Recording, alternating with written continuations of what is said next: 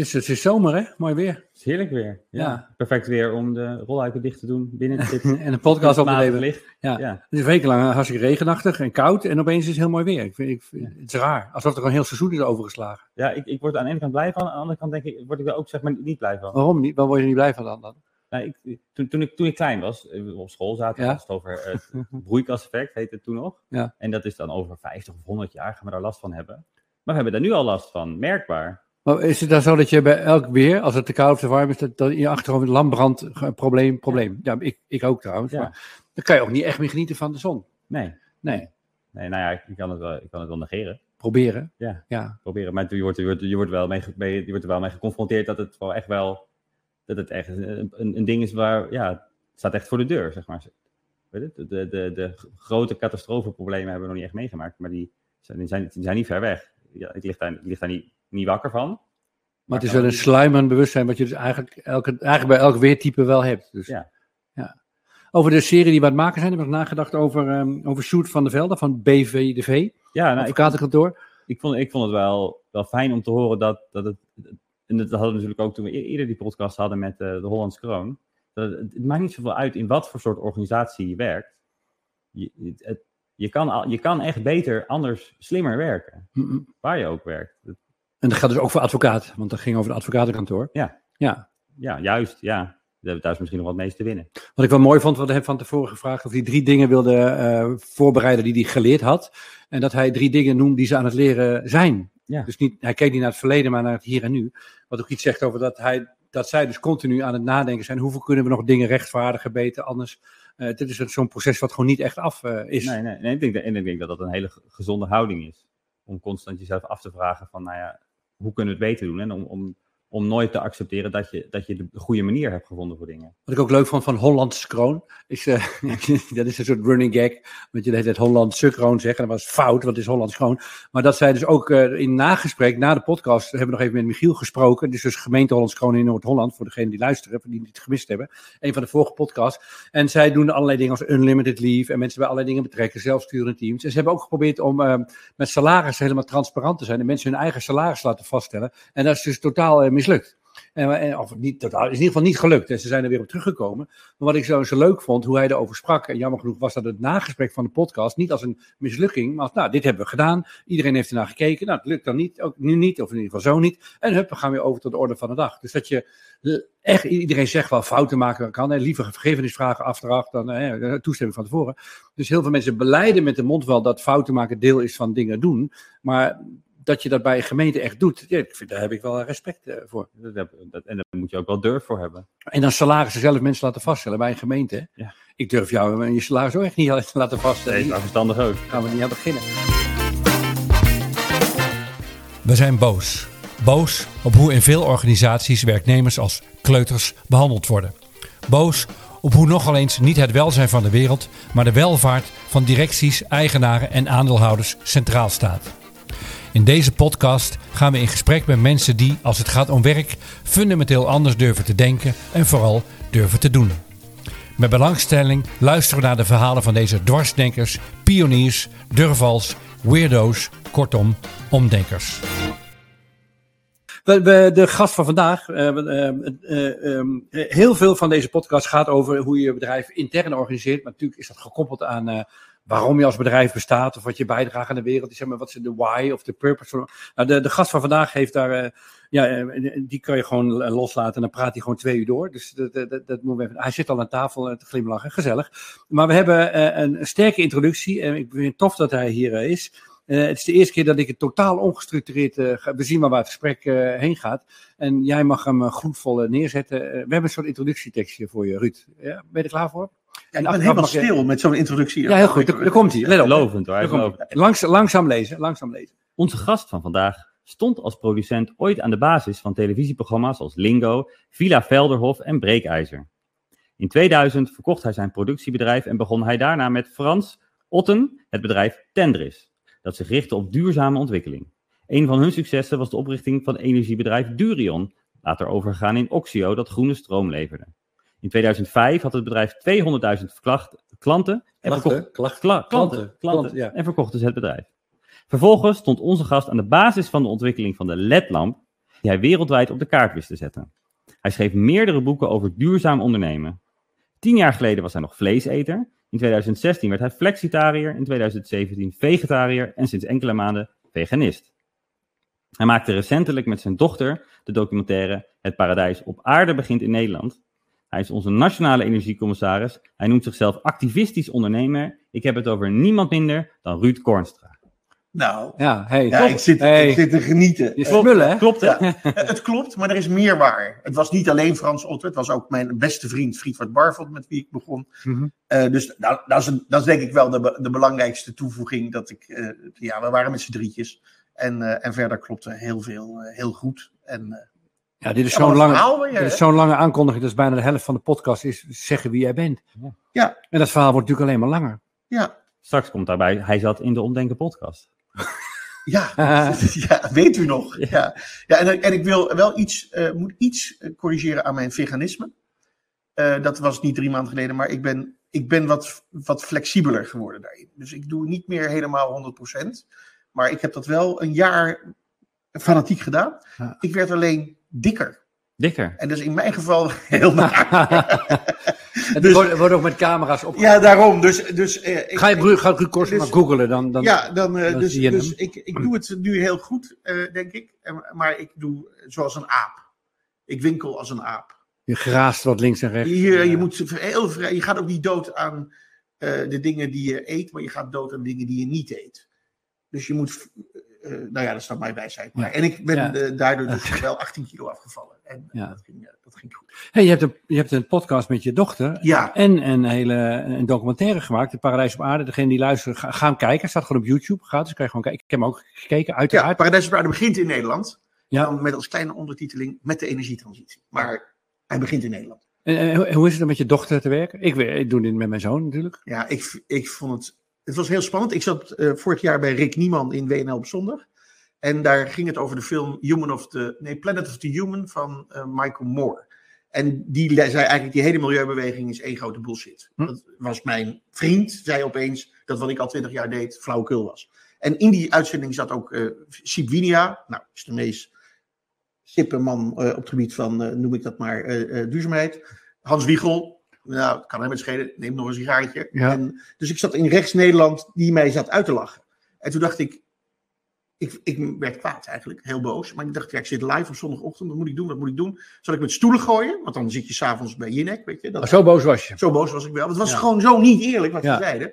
Eh, en ik, ze lieten hem ook niet uitpraten en dat vond ik heel irritant. En toen zei ik, nou weet je wat jongens, laten we het nou afspreken. Ik ga hier nu niet allemaal eh, eh, op antwoorden. Ik ben, mijn oude vak is televisieprogramma's maken. Ik maak een documentaire waar ik dezelfde vragen ga beantwoorden die Michael Moore zich stelt. Maar dan kom ik met de Nederlandse antwoorden uit het nu, in plaats van de Amerikaanse antwoorden van 20 jaar geleden. En toen zeiden ze, nou ja, en hoe gaat die heten? Ik zei, het paradijs op aarde begint in Nederland. Oh, dat, dat, dat vloepte eruit. Dat vloepte moment. eruit. Ja. En toen stapte ik in de auto. En het eerste die mij belde was Sanne, mijn vrouw. Die zegt, kan je dat eerst niet even overleggen? Want we hebben het al zo druk. En dan ga je ook nog dat. Ik zei, ja, maar ik heb daar helemaal niet over nagedacht. Ja. En een kwartier later belt mijn oudste dochter. Nee, mijn, mijn middelste dochter, eh, Roos, die de foto- en filmacademie doet in, eh, in, eh, in Rotterdam. En die zegt, pap, hoe ga je dat doen? Ja. Ik zeg, ik heb geen idee. Nou, dan kom ik je helpen. Ja. En daar ontstond dus dat wij met z'n tweetjes een, een, een jaar door Nederland gereisd zijn. Allemaal mensen bezocht hebben. Met, ja, 40 mensen zitten er niet allemaal in. En sommige interviews hebben we echt wel anderhalf uur gemaakt. Waarvan ik denk, als die mensen ooit doodgaan, heb ik het mooiste interview. Hmm. Maar daar kan je dan drie minuten uit gebruiken. En ja, ik vind het een verrijking. En ik ben eigenlijk zo trots op haar. eh, hoe zij dit gemaakt heeft. En ze doet er voice-over ook. Dus zij neemt ook, ze kent mijn passie en mijn gedrevenheid. En waarom ik nooit thuis was. En wat ze goed gevonden hadden, Hmm. soort of uiteindelijk. Want ik was de wereld aan het redden. En, eh, en zij doet wel daarin ook nog de voice-over dat ze het een korreltje zout, het me, me een beetje toch neerzet. Ja, ach, mijn pa. Maar ja, weet je wel zo, dat zit erin. Dat is vertederend, het is lief, het is ook soms heel streng. En op de terugweg zegt ze, pap, nou, wordt, nou zegt die professor dat. Waarom stel je dan niet de volgende vraag? Dus ik, ze heeft me heel veel geleerd in een interview. Want ik ben helemaal niet een luisteraar. Je bent een prater. Ja, dat merken we nu al, want we komen er niet tussen. Nee, nee, Dat maar is- precies, Dat is dat prima, precies- dat is geen enkel Nee, probleem. Nou ja, oké. Ja, daarom zei ik al, Maar ik je rijd kunt, dus voor. jullie kunnen gewoon een stukje uitknippen. Knip. Nou, Ja. eh, dan gaan we verder. Ja, dit, wat, wat er nu is uitgeknipt, jullie merken, het is echt een super saai verhaal. Hey, ehm, eh, wa- wat ik zo bijzonder vind aan jou, ik, ik, ben, je nou, ben je nou boos of ben je nou blij? Hoe zit het met jou eigenlijk?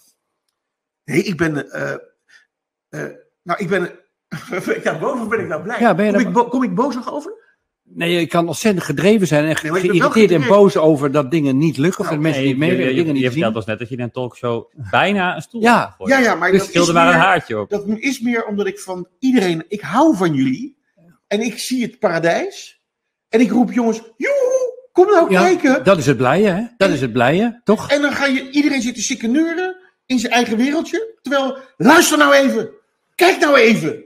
En dan wordt het een soort bozig meer voor jezelf, niet voor Eigenlijk, mij. eigenlijk word je dus boos dat we niet allemaal blij zijn. Mag ik dat zo concluderen dan? Nee, dat je het niet ziet. Ja, ja, maar dat we ook Als je niet... het eenmaal ziet, dan denk je, ja Ruud, dat kunnen wij veel beter. En dat is ook zo. Ja, ik, ik, ik herkende wel dat gevoel.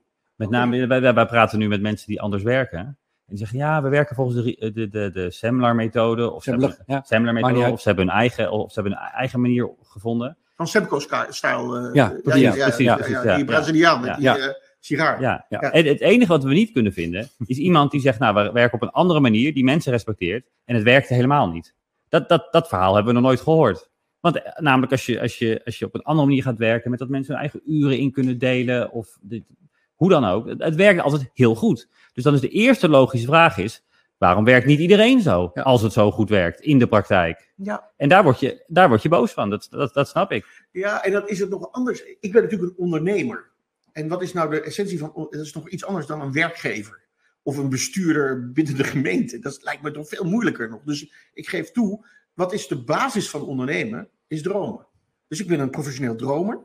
En het enige is, dat, een onderne dat is een ondernemer. En een succesvol ondernemer is een dromer die niet opgeeft. Zoals mijn moeder altijd zei, Mhm. wat in zijn kop zit, zit niet in zijn kont. Dat Ja. is dus, dus, dus ik ben gedreven in het, in het halen van mijn droom.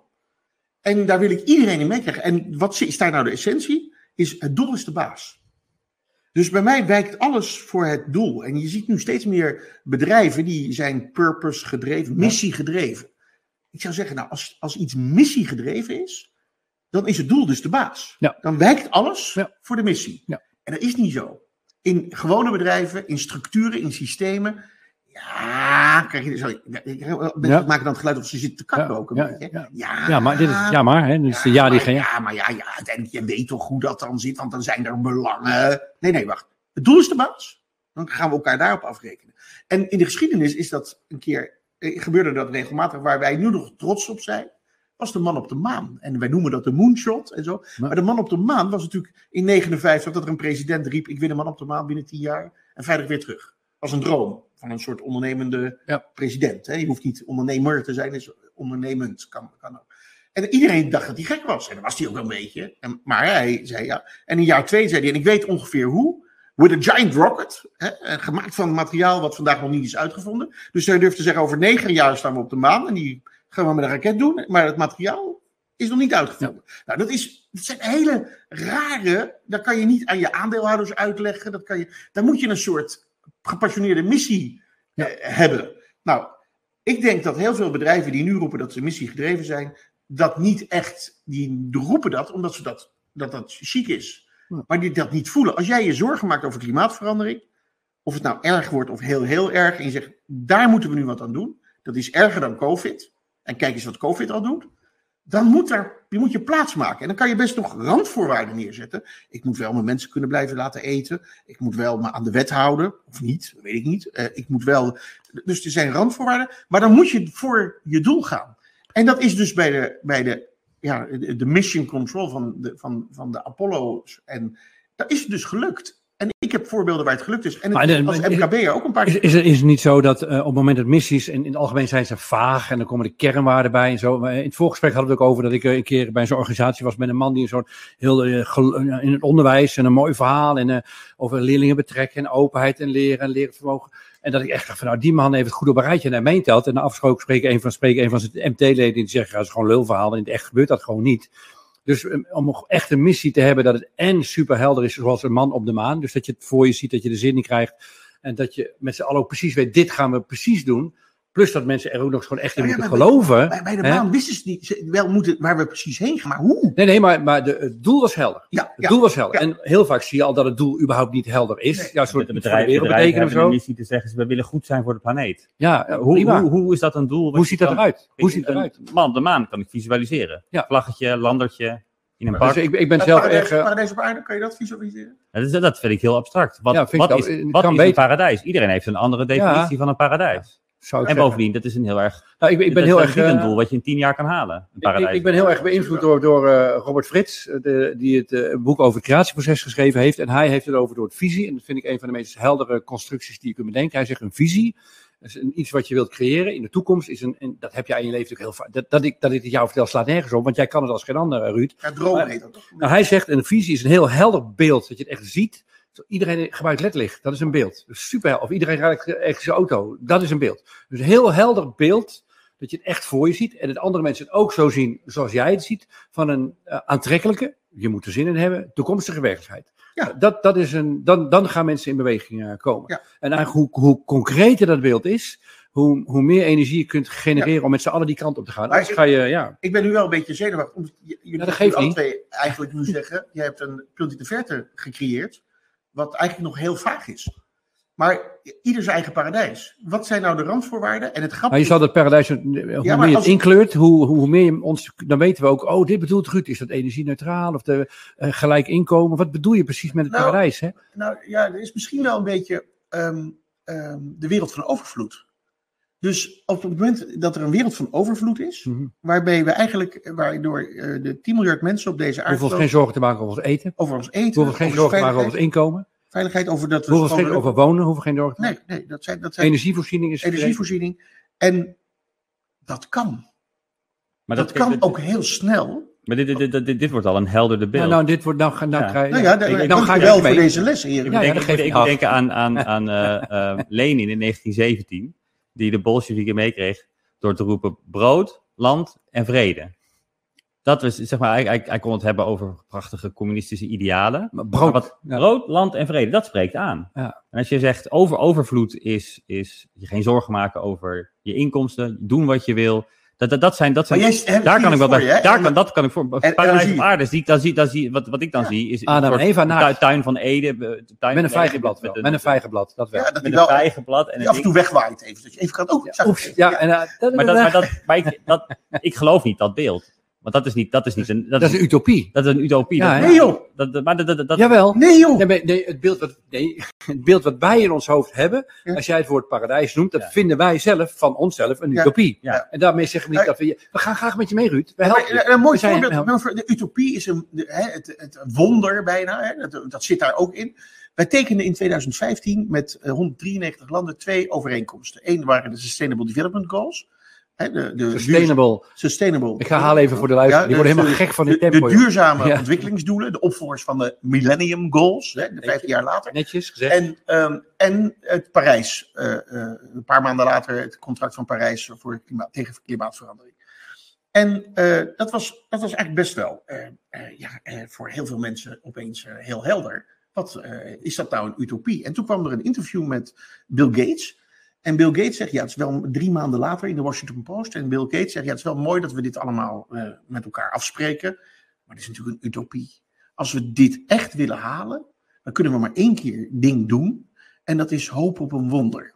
Mooi hè? Dus Bill Ja. Gates, rijkste, een van de rijkste mensen ter wereld, Gaat er op mijn wonder. onder de- Dus, we, we- dus het is allemaal mooi, maar dit gaan we alleen maar halen als er een wonder komt. En toen dacht ik, en ging hij verder. En toen, en toen ging hij later uitleggen wat een wonder is. En toen zei hij, nou een wonder, dat was de stoommachine vlak voordat hij er was. Mm. Aarde, water, lucht en vuur zit, is al eh, miljarden jaren. En opeens bedenkt iemand dat als je dat iets anders structureert, dat je met een zeilboot zonder zeilen tegen de wind in kunt varen. Dat is een wonder. Ja. Toen voor het er was. Vlak van tevoren. En Penicilline, ja. vlak voordat het er was. Noem maar even. voor- eh, internet, vlak voordat het er was. Dus wij zitten nu in, die, in dat paradijs op aarde uit te leggen aan elkaar. met dingen die we vandaag weten. Dat betekent dus dat we niet meer scheppend bezig zijn. Dat er dus geen wonderen meer komen. En ik werk tussen die MKB'ers, tussen die uitvreters, tussen die scheppende mensen. En die komen met dingen die ik weet, omdat ze er zijn. en voor een groot deel niet van mij zijn. Ik zeg, ja, maar als we die toepassen. De hele industrie zei over de elektrische auto. De elektrische auto kan helemaal niet. Ik zeg, maar ik rijd daarin. Ja, maar de suf auto. Ik rijd elke Porsche Uh, ja, maar ik kan nergens opladen. Ik zeg, ieder raam waar een vrouw achter zit, wat open kan, is voor mij een oplaadpunt. Hè, snel wisselend contacten noemden wij dat vroeger nog. En dan terug nam ik een zak drop mee. Voor, dank voor het opladen voor twee dubbeltjes. Ja. Dus het kan allemaal. Het is, en dat is mijn. Joe, We, we hebben wat begripsverwarring. eh, want de, eh, eh, mensen gebruiken het woord utopie vaak als op twee manieren. Of een, een doel wat je niet halen kan. Het is utopisch. Of een soort droomwereld in de zin van een vaag paradijs. En waar jij het nu over hebt, is dat wij dingen utopisch noemen. Terwijl ze eigenlijk gewoon haalbaar zijn. Hè, die, in het en, echt gedemonstreerd al. Ja, precies. En, en dan komen en wat bijvoorbeeld mensen zeggen, als mensen zeggen dat is een irreëel doel, dat vind ik altijd heel erg leuk. Want je gaat geen doelen hebben van dingen die al reëel zijn, want dan is het geen doel meer. Een doel is, als het een echt doel is, per definitie irreëel. Ja, want dat is er nog niet. En zeker dromen zit daar Ja. natuurlijk heel dichtbij. Maar dan, nu, ga- nu kom je dus bij die bedrijven waar jullie het over hebben. Of willen je jezelf weer Oh, nee, dit gesprek ik- toch. ik merk alweer dat Ga ik- maar door, joh. Maakt niet uit. Ja, dat ik dus dacht van, oké, wie zijn nou professionals in missies halen? En dat waren twee groepen in mijn, eh, eh, ik ben een gesjeest pedagoog, ben helemaal niet zo gestudeerd of zo, maar Ben je pedagoog ook nog? gesjeest, ja, drie Dus jaar. je kunt dingen uitleggen. in Eh, eh, Nee, ja, weet ik in Maakt niet uit. ieder geval niet zo goed blijkt. Ah, Ja, dat doet hij kinderen. Ja, ja, alleen aan kinderen. Ja, maar als je het daar aan kan Ja, dat uitleggen. kan je iedereen uitleggen. Ja, ja, maar, dat is waar. Nee, dat is- ja, maar, maar ja. Je was in een betoog. Ik was in het betoog van welke partijen hebben nou succesvol gehad door de eeuwen heen met missies. Dat zijn soms religieuze mensen, maar dat snap ik niet zo. Hè. Daar vind ik wel, heb ik veel waardering voor, maar ik snap daar geen. Kan ook eng aflopen. Dat kan ook heel eng aflopen, maar die, die, die gingen, die, die, Ja, die hadden dat goed worden. gingen- Ja, die gingen, en die gingen, maar ook mensjes, die gingen gewoon naar Afrika, daar die mensen in Afrika helpen en dan hopen dat ze in hun God gingen geloven. Hè. Dat zijn missionarissen. Ja. Daarvan had ik niet zoveel mee. De andere, die kende ik uit de films, dat waren militaire missies. Ik ben een, eh, een dienstweigeraar. Ik kom nog uit de tijd dat je kon weigeren, omdat je moest. Van welk jaar ben jij eigenlijk? 64. Ja, ja. Ja, dus eh, ik moest nog. En Ja. eh, ik had een heel lul verhaal en toen hoefde ik niet. Maar, eh, maar toen dacht ik, maar die militairen die hebben daar wel hun levenswerk van gemaakt door de eeuwen heen. Dus ik ben letterlijk in Nederland. Ik ben bij, bij Peter van Um geweest, de, de grote generaal waar zijn zoon overleed. Toen Ja. hij net twee maanden de baas was van het Nederlands leger. Ik heb met, eh, met eh, Dick Berlijn, met eh, admiraal eh, Jan-Willem Kelder, een aantal kolonels, ben ik gaan eten als jongetje tussen de echte militairen. Jongens, wat is de succesfactor van missie gedreven? En toen was het eerste wat de generaal zei. Zegt, nou Ruud, om, jij denkt dat het succes afhangt van de hoeveelheid pistolen, geweren, raketten en soldaten. Maar dat is maar 20% van het succes. 80% gaat over hele andere dingen. Gaat over communicatie. Gaat over intelligence. Gaat over eh, eh, propaganda. Gaat over, nou het is echt... Whatever. Hè? Whatever. En toen ik dat zat te vertellen, dacht ik als MKB-bedrijfje wat een ledlamp naar de wereld ging brengen. Ik had de lamp, ik had het geld, ik had de fabriek, ik had het businessplan, ik had mijn klanten. Maar dan begint het, Mhm. want dan krijg je de tegenwerking. En dan krijg je, dus er is, het is het creëren van een perfect storm. Dus dat is de eerste les. Het gaat dus, maar ogenschijnlijk, bij elke missie gaat het maar voor 20% over de logische dingen waar je in eerste Maar perfect storm bedoel je dat alles in elkaar grijpt. Hè? nou, het gaat dus om nog veel meer dingen, om de succes. Nou, en toen kwam ik bij de admiraal en die zei, nou Ruud, eh, ik was de, ehm, heet dat, de commandant van de Hare Majesteit Tromp. Die is een waar gebeurd verhaal. Hij zegt, en ik kreeg als opdracht vanuit eh, Den Haag, zij voeren buitenlands beleid uit, zoals ze dat dan zelf zeggen, om de prinses te redden. Hij zei, ik kan niet zeggen welke missie het was, ik noem het, ik ging, moest de prinses redden. Hm. Dus aan de ene kant krijg ik de opdracht, ik moet de prinses redden. En aan de andere kant heb ik op mijn bureau een tafel met, eh, daar staat een stapel met geweldsinstructies. Van de Nederlandse overheid, van mijn eh, vakbond, van mijn medezeggenschapsraad, van de, van de Europa, van de NATO, van mijn bilateraal met Amerika. En daar staat eigenlijk op, gij mag niks. Maar ik krijg wel de opdracht om op prinses Ja. te redden. Wat doe je als je de baas bent van dat grote schip? Dan moet je kiezen. Ik hou me of aan de regels, of ik ga voor de missie. Ik ben soldaat, ik ga voor de missie. Ik kom terug met de prinses, ik slaag in mijn missie en ik word admiraal. Maar als ik gefaald had in mijn missie, Hmm. dan was de kans heel groot geweest dat ik voor de krijgsraad was gekomen. Dus wat heb je nodig als jij missiegedreven bent? Naast dat je je beseft waar het over gaat. Dat je een mission control moet inrichten die 24-7 bezet is. En dat het doel de baas is. Moet je lef hebben. En ik nam deze man mee naar de basis van APG, PGGM, eh, eh, eh, alle grote banken. En daar zaten ze, de wiebedraaiers, allemaal om de tafel. En toen heb ik hem dit verhaal laten vertellen. U bent allemaal missiegedreven financiële instelling. Maar u bent dat niet, want u heeft één groot probleem. U heeft geen lef. En dat vond ik wel heel mooi. Dus je kan het allemaal wel mooi, eh, maar je, uiteindelijk moet je het gaan doen. Ik, denk- ik, denk- ik denk wat, er vaak, wat ik vaak zie gebeuren, wat er misgaat in dit soort dingen, is dat mensen, mensen het, doel en het middel, het doel en het middel met elkaar door de war gaan halen. Voorbeeld daarvan is, vind ik, als je, je zit op school, op de, op de middelbare school, en de, de doelstelling van dat jij op school zit, van op school zit, is dat je dingen leert. Daarom ben je er. Dat je, dat je, dat je genoeg leert dat je kan, eh, in onze samenleving mee kan doen. Maar op een gegeven moment dan, dat, en dat doe je door toetsen te halen en door cijfers te halen. Dat is een middel om te leren. Maar op de middelbare school wordt het helemaal omgedraaid. En die, die cijfers, die worden de doelstelling. Je mag alleen door als je een 9 hebt. En precies dit gebeurt er ook heel vaak bij bedrijven. Ik, ik, Ja. ik heb een verhaal van, er zat een jongen bij op de middelbare school. Die moest naar zijn eindexamen en hij ging met de bus naar school. En maar die bus zat enorm in de file, was een of andere botsing of zo. En hij zat in de file op een brug vlakbij school. Dus hij belt naar school van jongens, ik, ik, zit, in, ik, zit, in de, ik, zit, vast in de bus. Eh, dus toen is er een, een docent is op de fiets gestapt. En die is naar de bus toegefietst. En die zei, joh, spring maar achterop. Wat van die docent natuurlijk heel tof is. Dat is wel het doel, doel, doel eh, Dit is eh, missie gedreven. dit is missie gedreven, ja. Ja, En lef. En lef, en lef, precies. En die buschauffeur die zegt, nou sorry, nee, dat mag niet. Want ik mag alleen de deuren open doen bij een busstation. Ja.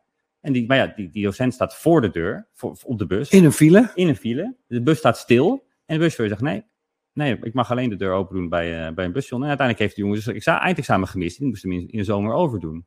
En zo iemand in die bus, die is, die is dus, de regels zijn een middel om te zorgen dat alles goed loopt en dat de mensen op hun bestemming terechtkomen. En de doelstelling is dat mensen op hun bestemming terechtkomen. Maar deze man is zo bezig met dat middel, Ja. dat hij het doel is vergeten. Maar wat heel erg is, is dat die buschauffeur is dus niet strafbaar. Dat vind ik het ergste aan het hele verhaal eigenlijk. Zo'n Ja, man die zou is eigenlijk gewoon gevierendeeld, nou gevierendeeld. Eh, maar dat is natuurlijk heel erg dat hij niet gewoon in staat is mee te denken. Dit is dat paarse krokodil eh, verhaal natuurlijk van de overheid. eh, Van regel, Ja, regel, maar dit regel. is precies waar het over gaat. En wat het grote probleem vandaag in bestuurders, die korte termijn, allemaal.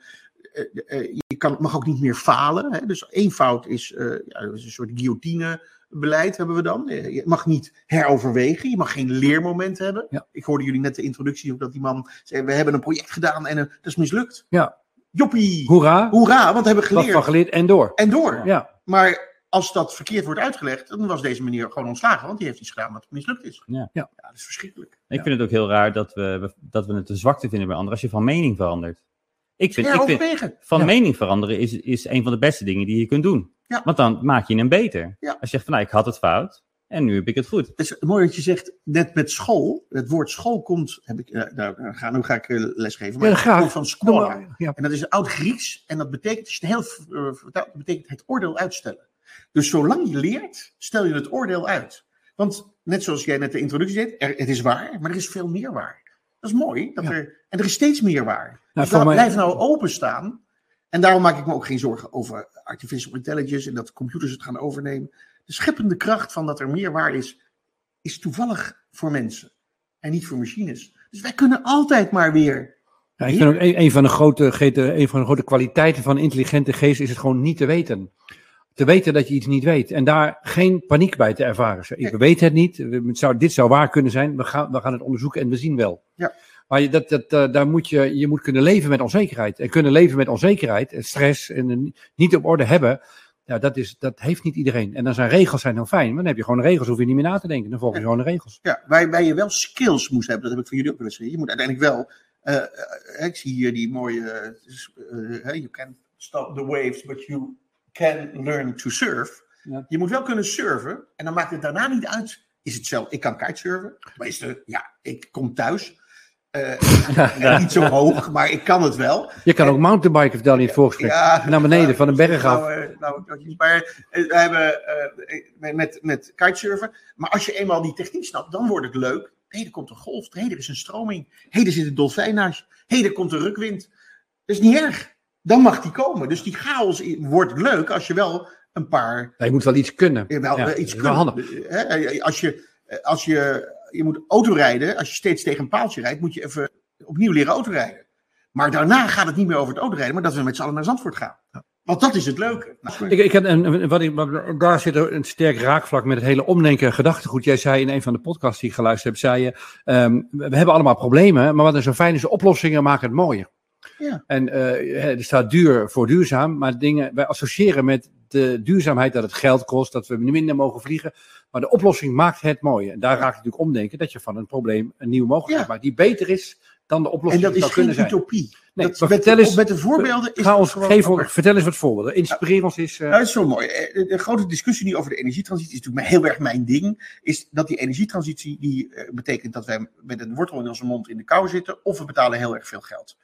Eh, want, want het gaat allemaal mis. Maar de feiten zijn als volgt. ah, dit is de hel op aarde. Dit is het De tegenbeeld. hel, dit is de hel op dit aarde. is En het dan, moeten we, tegenbeeld van- dan moeten we ook hè? nog. Ja, en, dan, en dan lossen we alles op met kernenergie. Ja. Alsof dat de oplossing is. Ik ben niet principieel tegen. Maar wat is nou. Laten we nou eens naar het palet kijken. Als je ziet dat de, een kilowattuur stroom van een windmolen. zeven jaar geleden was 17 eurocent. Vandaag 4 eurocent. Is goedkoper dan welke andere vorm. Hoeveel jaar geleden zijn hoeveel? Zeven jaar geleden. Ja, dus zeven zeven, jaar geleden, is dat van 17 eurocent, wind op zee, naar 4 eurocent. Onder de 4 zelfs. Zonne-energie is een kilowattuur in Spanje inmiddels onder de 1 cent per kilowattuur. Ja. Daar kan kolen niet tegenop, daar kan gas niet tegenop. Daar kan, en dat, die, die trend is nog lang niet klaar. Dus mijn conclusie is, energie wordt nagenoeg gratis. Is een beetje zoals de telefoontik. Vroeger moest je 20 gulden betalen per minuut naar Amerika bellen. Oh ja, man. Dat was Ja, en nu heb je gewoon bandbreedte. Dus Ja. het gaat niet meer over die tikken. Dat is, volgende is, je moet die energie op plekken krijgen waar je het nodig hebt. En op momenten dat je het nodig hebt. Dus die bandbreedte wordt veel belangrijker. Maar dat energie, waar we nu 100% betalen, over 10 jaar 10% is, dat is waar. Dus een gemiddelde huurwoning van 500 euro, die heeft 100 euro tot 150 euro energierekening. Dus een belangrijk deel van jouw maandelijkse woonlusten, woonlastenafweging gaat naar energie en dan gaat 10%, het, eh, eh, krijg je nog maar 10% over. Dat is grappig. Dat, dat is een enorme stap. Een elektrische auto, ja, een dure auto. Ik ben commissaris van een taxibedrijf die ook ambulances doet. En die hebben die taxis op Schiphol. Die hebben geen fiscaal voordeel, want de Mercedes met een blauw kenteken betaal je ook geen eh, belasting voor. Dat is eh, bij taxis zo. Dus die hebben niet die fiscale voordelen. En die zeiden, ja, wij kunnen niet goedkoper rijden dan een dikke Tesla. Dat kan niet goedkoper, Ja. maar je moet het wel allemaal meerekenen en je moet het onderaan de streep. Dus uiteindelijk is de kwestie dat de verduurzaming een investering betekent. Alleen mensen met geen geld kunnen niet investeren. Nou, als je nou power to the people wilt, als je nou wil dat er een, een, een slimme energietransitie plaatsvindt, dan zorg je dat de energietransitie gefinancierd wordt. Maar als je iets financiert, dan beoogt dat dat je het wilt terugkrijgen. Dat je het terugverdient. Dus bij een zonnepaneel wordt er gevraagd: wat is de terugverdientijd op je zonnepaneel? Maar bij je energierekening vraagt nooit iemand: wat is mijn terugverdientijd? Je blijft maar betalen Je blijft maar betalen. Ja. Er, en of het nou in 10 jaar of in 15 jaar is terugverdiend, maar er is een terugverdientijd. Dus, dus energie wordt gratis. Nou, dat is leuk om, om te constateren. Alleen, wat is nou het businessmodel van gratis energie? Dat is er dus niet. Hetzelfde met gezondheidszorg. Er is geen businessmodel voor gezonde mensen. De, de hele wereld Voor zieke mensen. voor zieke mensen. Dus we hebben een fout, een, een, een, een, Fout incentive. incentive, een perverse prikkel Ja. in, het, in de nieuwe wereld, niet in het verleden, want we, hebben daar, we hebben daar, zijn daarmee gekomen waar we nu zijn. Maar we moeten dus niet alleen al die duurzame doelen opnieuw bekijken en het positief bekijken, maar als we daarmee niet ons economisch systeem aanpassen, dan, houdt het, dan gaat het niet werken. Ik, ik, heb, ik, heb dat heel, ik heb dat altijd heel moeilijk gevonden. En ook nooit zo goed begrepen is waarom we dat, dat, dat model, dat, dat, van, hoe, je- van hoe je een bedrijf kan groeien, of van het, het model van hoe je een auto verkoopt, waarom moeten we dat op elke sector toepassen? Waarom moet je de gezondheidszorg op een kapitalistische manier doen? En waarom moet overal geld aan Nou verdiend ja, worden? omdat we daarin zijn doorgeslagen, denk ik. En dan moeten we dat heroverwegen. Want Ja. we hebben heel veel voordelen gehad met die manier van denken. Maar als we nu praten over letterlijk. eh, ja, dit wordt een stap in onze beschaving. We zijn echt een. We zijn echt. En daar leven wij nu. En daarom ben ik zo vrolijk. Wij gaan nu meemaken. Mhm. Hoe je in een hele korte tijd. Want jij maakte net al iets een opmerking over. Ja, redden we dat wel in tien jaar? Paard en wagen naar auto was tien jaar. Kolen naar gas. Iedereen een gaspijp thuis. Dat hebben we in tien jaar geregeld. Man op de maan was in tien jaar. Tien jaar is zo mooi. Dus in 2030, daar waar ik voor sta, dus, dus nog 9,5 jaar, hebben wij, en dan wordt het misschien 2031, dan heb ik het net niet goed, het paradijs op aarde. Want dan hebben we door dat we al die duurzame doelen kunnen halen, dat we het leven leuker wordt, kwalitatief beter, veel betaalbaarder, eerlijker verdeeld. En dan kun je dus met een grote groep mensen op deze aardkloot eh, leven. En kun je de problemen bespreken.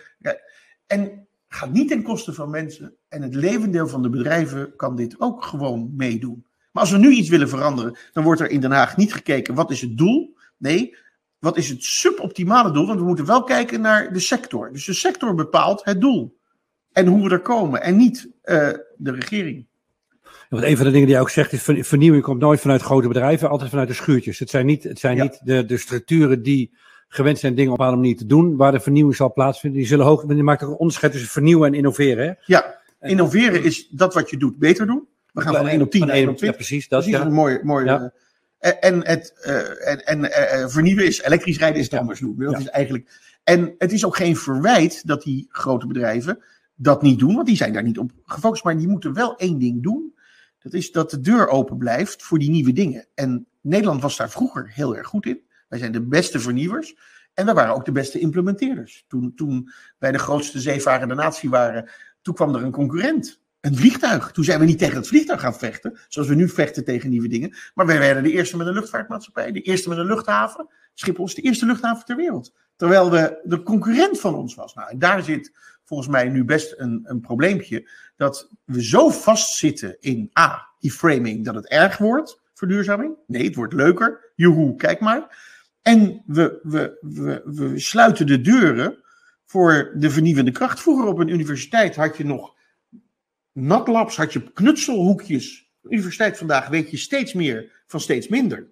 Maar de verbanden tussen dingen, in een, waar geklooid wordt, hè, even rommelen. Oh jee, het werkt in de praktijk, werkt het ook in theorie? Nee, we zijn nu bezig met de theorie. En dan gaan we daarna een praktijk bij bedenken. Maar dat, en, en wij hebben een, een, we zijn de beste in de wereld in die schuurtjes, Nou, is, waar maar die is- creatie Het is plaatsvindt. grappig dat je dat zegt, want dat komt weer terug op wat we eerder zeiden. Dat ik, heb wel, ik heb ook vrienden die in die, in die hoek zitten, in die wetenschappelijke hoek. En die klagen allemaal over hetzelfde. Namelijk dat als jij, als jij iets wil onderzoeken, dan moet je geld hebben van iemand. Want onderzoek is heel duur. En als je geld van iemand wil hebben, dan wil, dan wil die, en die maakt een investering in jou, dan wil die geld terugzien. Dus dan moet jij, voordat je je onderzoek doet, moet jij gaan bewijzen aan iemand anders hoe hij geld kan verdienen aan jouw onderzoek. En dan moet je, dat, moet je iets uit je duim zuigen.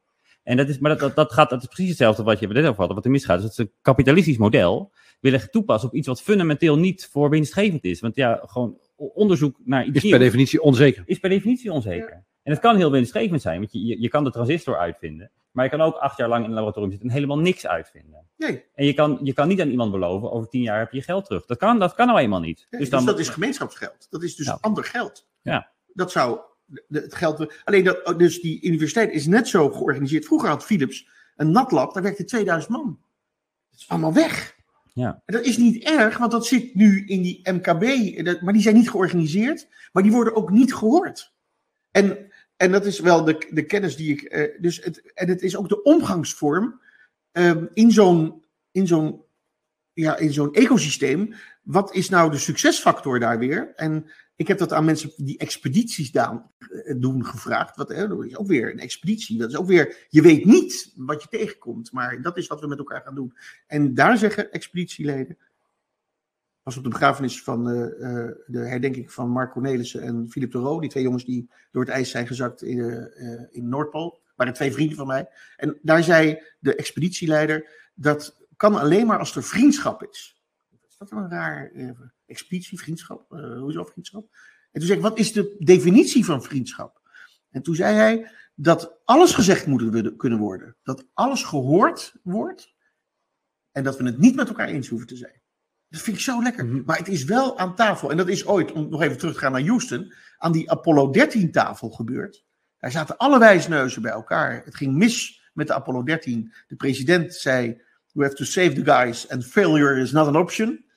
En, en toen kwam NASA en wat dan? En toen zei opeens iemand aan die high-tech tafel, een plakband. Plakband. Duct tape. Als er niet naar deze jongen geluisterd was, en de, en de wijsneuzen zeiden, hey, het is inderdaad de oplossing, we kunnen het met plakband regelen, dan was die Apollo 13 mensen waren om het leven gekomen. En plakband wint het. Om, en, en toen dacht ik, ja, dat is zo. Dus alles moet gezegd kunnen worden zonder het met elkaar eens te zijn. Dus zet nou eens een groot bedrijf en een klein bedrijf aan tafel. Het grote bedrijf luistert niet naar het kleine bedrijf. Dat is zo stom. Ja, en, en, en, en beloon diegene als hij iets goed gedaan heeft. En dat kleine bedrijf moet gewoon het kleine bedrijf blijven. Die gaan weer iets nieuws ontwikkelen. Ben je nooit, ben jij no- nooit grotere bedrijven tegengekomen waar wel zo'n cultuur is?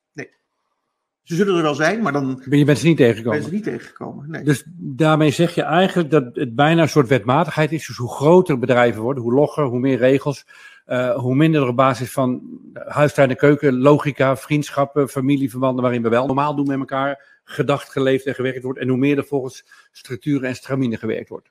Ja, en dat komt denk ik ook door. eh, ik heb wel eens mensen in mijn bedrijfje. Begonnen we met twee mannen, toen hadden we op een bepaald moment honderd. Weet je, dan was het al, al behoorlijk groot. Maar dan kwam er iemand van Philips uit Licht kwam bij mij werken. En wat ontdekte ik daar nou? Dat als je bij een groot bedrijf werkt of bij de overheid, dan is niet het doel en het voortbestaan van het bedrijf de allerhoogste prioriteit, maar jouw eigen positie binnen de onderneming. Bij een bedrijf, wat ik altijd gehad heb, als het mislukt, dan zijn we failliet. Daar is het het doel van het Ja. bedrijf staat bovenaan. En wij hadden een baas, echt de beste jongen op het gebied van licht. Die zei tegen mij tijdens een grote order van een miljoen ledlampen, namelijk onze eerste miljoen ledlampen. Ruud, het gaat helemaal mis. Zei hij lachend.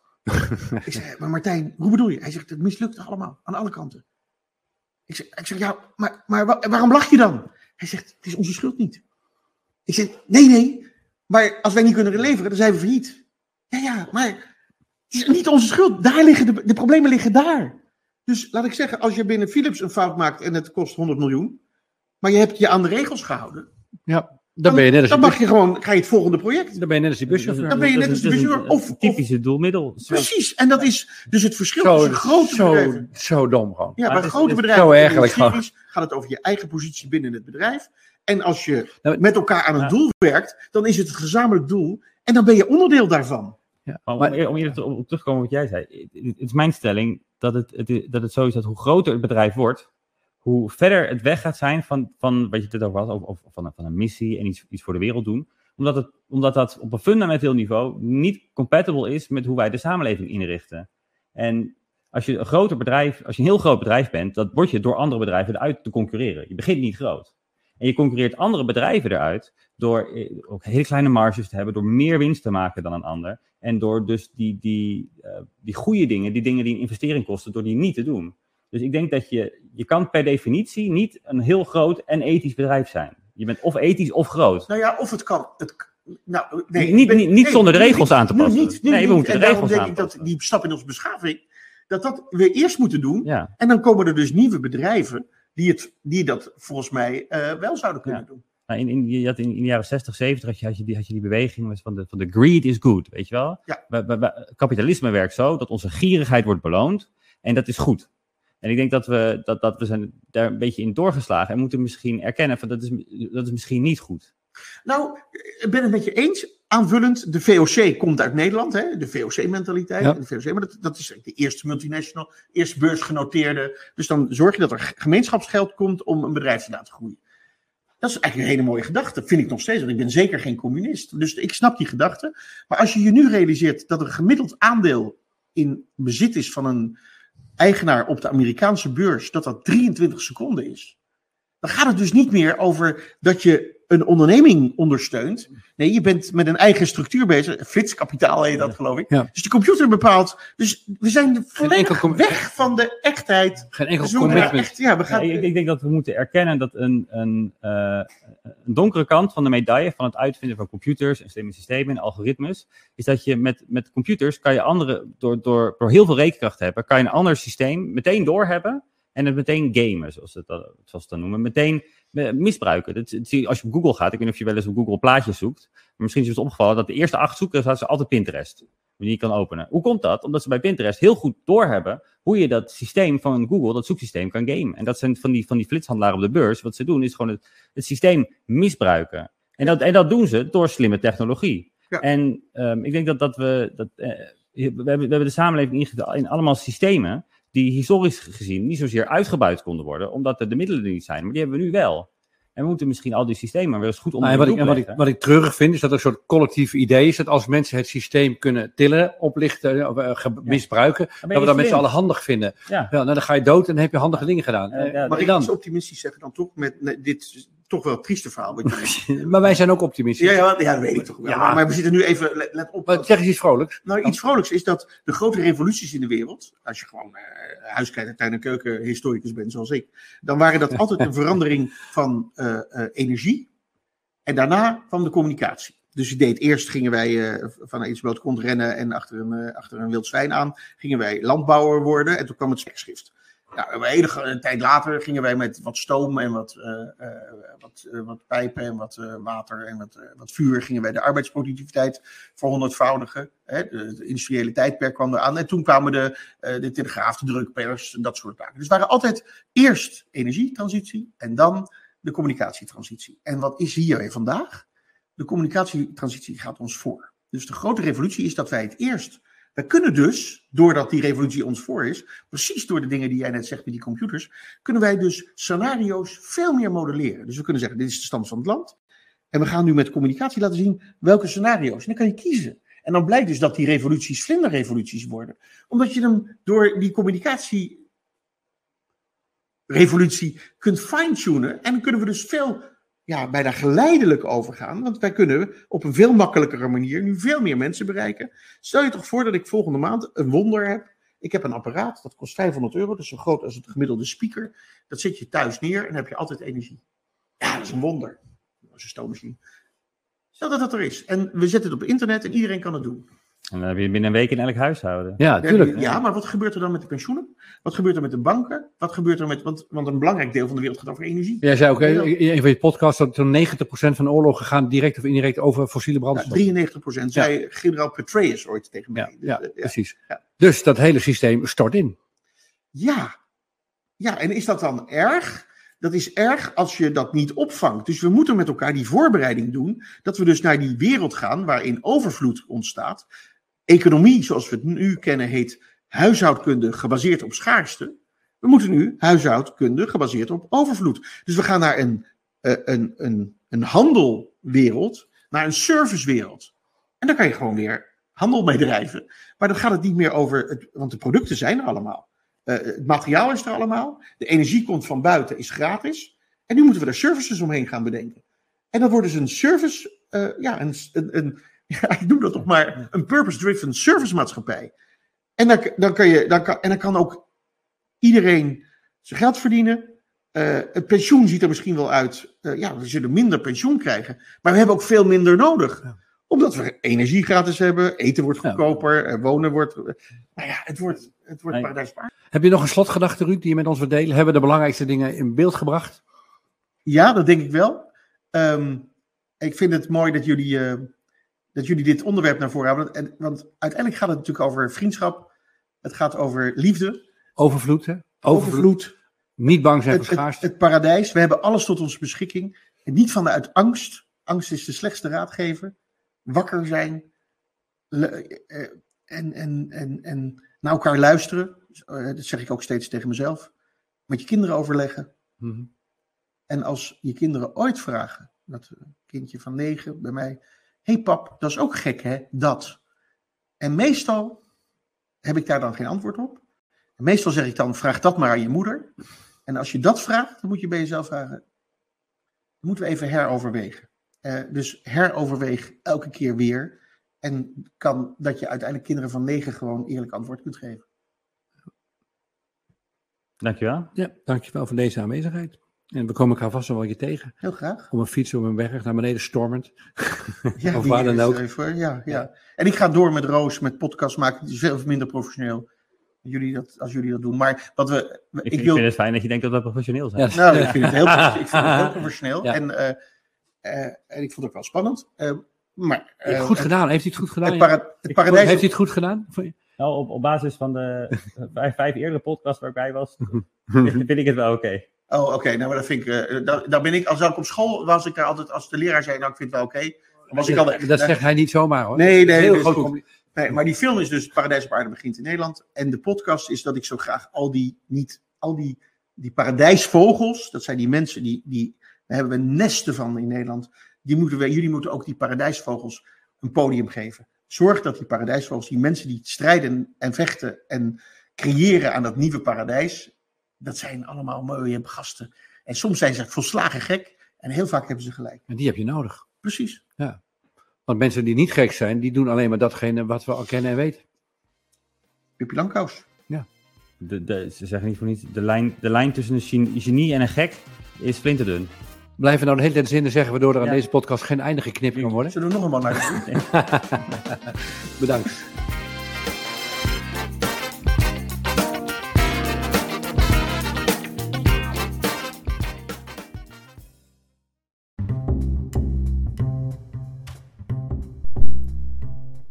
Dankjewel voor het luisteren naar deze speciale podcastreeks over omdenken op het werk. Inmiddels staan alle acht afleveringen online, dus als je ze nog niet allemaal geluisterd hebt, dan heb je wat te doen de komende tijd. En heb je ze nou met plezier geluisterd, dan zouden we het heel erg op prijs stellen als je een review achterlaat. Dat kan in de podcast-app van Apple. En luister je via een ander platform en wil je ons toch iets laten weten, dan kan je natuurlijk altijd mailen naar contact omdenken.nl. Inmiddels is ook ons nieuwe boekje Omdenken op het werk verschenen. Bertolt onderzoekt daarin de verwachtingen die we allemaal hebben omtrent werk. En hij houdt de lezer een spiegel voor door te laten zien dat we allemaal last hebben van een oplossingsreflex. En daarmee maken we problemen vaak juist erger. Vastdenken. Maar hij behandelt uiteraard ook hoe dan wel. Aan de hand van heel veel voorbeelden laat hij zien hoe je op het werk kunt omdenken en hoe je daar van een probleem een nieuwe mogelijkheid kunt maken. En denk je nou naar aanleiding van deze podcast, nou, bij mij op het werk kunnen ze ook wel een beetje omdenken gebruiken. Dan komen we graag bij je langs met bijvoorbeeld een workshop of een show of een webinar, want we kunnen het ook online. Ga naar omdenken.nl slash zakelijk of mail naar info omdenken.nl en dan bespreken we met jou de mogelijkheden. Bedankt voor het luisteren.